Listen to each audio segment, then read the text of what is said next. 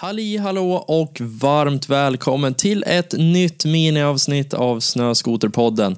När det här avsnittet släpps så befinner vi oss i mitten av maj månad. Skotersäsongen är slut för många samtidigt som den bästa skotersäsongen börjar för andra, de som exempelvis kör uppe i riksgränsen. Vi kan enas om att vi befinner oss i en riktig mellansäsong i alla fall, sommar i söder och vinter i norr. I det här miniavsnittet så ska jag gå igenom ett ämne som är ganska svårt men samtidigt livsviktigt, bokstavligen. Jag tänkte helt enkelt dela med mig av mina bästa och mest värdefulla tips på mat och dryck för en lyckad dag ute på fjället. Helt enkelt sånt som ger högt matvärde men som ändå är lätt och smidigt att ta med. Jag önskar er ännu en gång välkommen, den här gången till det näst sista miniavsnittet den här poddsäsongen.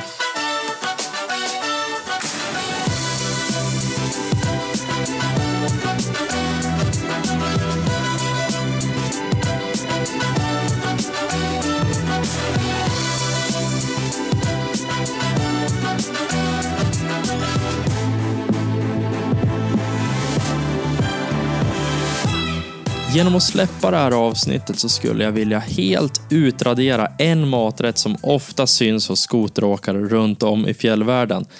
Skulle du kunna gissa vad jag pratar om? Ja, du tänkte garanterat på exakt samma sak, nämligen de extremt deppiga, otillagade mackorna som ihärdigt försöker förtäras trots att man är iskall, mackan är iskall och allt är bara jobbigt och faktiskt inte ens särskilt gott. Japp, nu sa jag det rakt ut. Det är varken gott eller trevligt att äta en macka som är kall, otillagad när man sitter på en skoterdyna mitt ute i skogen. Och ja, visst, jag säger det här givetvis på ett sätt med glimten i ögat, men samtidigt så ligger det någonting i det. Jag menar så här, både du och jag som lyssnar på det här tycker att skoteråkning är det absolut bästa som finns, eller hur? Det är allt ifrån själva skoterkörningen till snacket som man har med kompisarna efter en hel dag ute till livsstilen runt omkring med allt ifrån släpvagnar, reservdelar, tillbehör och givetvis att få uppleva fjällvärlden tillsammans med sina kompisar. Så med allt det här positiva i sinnet varför ska man då straffa sig själv genom att äta en tråkig lunch? Nej, det ska vi givetvis inte göra eftersom vi alla är här för att njuta så mycket som möjligt och ha det så bra som möjligt. Så, med detta sagt så skulle jag vilja blicka framåt och ge dig som lyssnar en grym möjlighet att förhöja upplevelsen med enkla medel.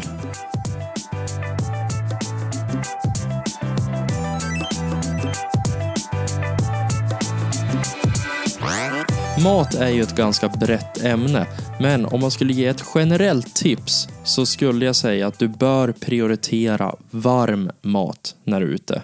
Det är absolut lite mer stök att få till jämfört med den där deppiga mackan i ett foliepaket som är iskall och inte en särskilt god. Men resultatet och njutningen av varm mat slår den kalla mackan med hästlängder. Med varm mat i magen så blir du gladare, du blir mer positiv, du har mer energi i kroppen vilket gör att du får ut mer av skoterkörningen den dagen. Vet inte om det här är statistiskt bevisat men alla jag har pratat med upplever i alla fall samma sak. För att få maten varm så finns det tre alternativ som är smidiga för skoterkörning. Alltså det finns ju tusen alternativ där ute, men tre alternativ som jag tycker är smidiga för just skoterkörning. Alternativ nummer ett, som är min personliga favorit, det är en sån här bar och kokmatlåda. Där du kan värma maten fast helt utan el eller eld. Verkligen en supersmidig grej att ta med som är lätt att packa ner i antingen tunnelväska eller ryggsäck. Den stora fördelen med bar och kok är att du kan lägga i vilken mat som helst. Matlådan sluter helt tätt och du kan enkelt ta med dig rester från gårdagen eller fylla den med någon konserv du köpt på macken, exempelvis ravioli eller någon annan sån rätt. En annan fördel med bar och kokmatlådan är att den värmer upp maten och får den riktigt varm.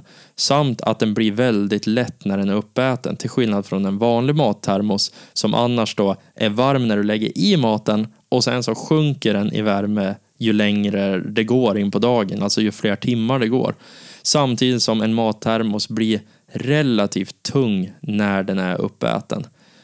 Alternativ nummer två, det är just det jag precis sa, en klassisk mattermos. Och fördelen med mattermos är att maten är konstant varm. Så tekniskt sett så kan du äta lite grann på morgonen, du kan äta lite grann på lunch, du kan äta lite grann på eftermiddagen när du känner att energin tar slut.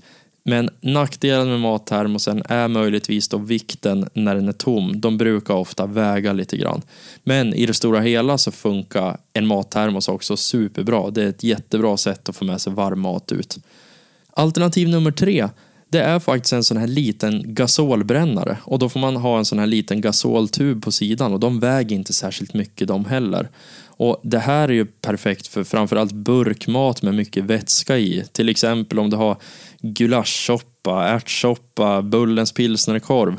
Och det här alternativet är extremt lätt. Alltså en sån här liten gasolbrännare väger typ ingenting. Konservburken som du kanske tar med och värmer, den väger bara när den är full, men när den är uppäten så väger den ju i stort sett ingenting heller. Så det här är ett jättesmidigt sätt. Det finns även ett fjärde alternativ, kommer jag på nu, och det är ett sånt här klassiskt Trangia-kök, Trangia spritkök. Men det här tar ju enligt mig på tok för mycket plats att ta med i en ryggsäck eller en tunnelväska. Och absolut, det kan vara ett alternativ om man ska larva ut på fjället lugnt och försiktigt. Man har en packkälke med sig. Men då kan man lika gärna ta med sig en morikahäll eller ett mackjärn eller någonting annat så ni fattar. Om vi går in lite djupare på själva maträtterna som finns så skulle jag vilja rekommendera något som har ett bra energivärde. Det vill säga att det finns både protein, fett och kolhydrater i maträtten. Och här är enligt mig pastarätter galet bra när du är ute eftersom du har kolhydraterna i pastan och du har oftast någon form av både fett och protein i såsen. Konkreta exempel på rätter som jag tycker fungerar riktigt bra när man är ute och som man verkligen håller sig mätt på, det är pasta och köttfärssås, potatis, köttbullar, brunsås, kyckling och ris, hemgjord gulaschsoppa med potatis i, korvstroganoff. Förstår ni vad jag är ute efter? Alltså, kort sagt, vanlig mat. Det behöver inte vara krångligare än så. Alltså ni behöver inte krångla till det med massa specialgrejer utan det är vanlig mat. Rejäl mat. Och om du får i dig sån här rejäl mat mitt på dagen då lovar jag att din skoterkörning kommer bli ännu roligare än den hittills har varit. Helt enkelt för att du orkar pusha dig själv ännu mer. Och då är det också superviktigt att du inte slarvar med vätskan. Så ta hellre med dig en extra 50 centiliters flaska istället för att tänka att det räcker nog. Det var allt för idag. Stort tack för att du har lyssnat på det här avsnittet. Jag, jag hoppas verkligen att du antingen har lärt dig någonting nytt, har tyckt att det har varit underhållande att lyssna på eller varför inte både och. Glöm nu inte att följa Snöskoterpodden på Instagram och du, skriv gärna ett DM och säg vad du tyckte om det här avsnittet. Tack så länge, vi hörs igen i nästa avsnitt.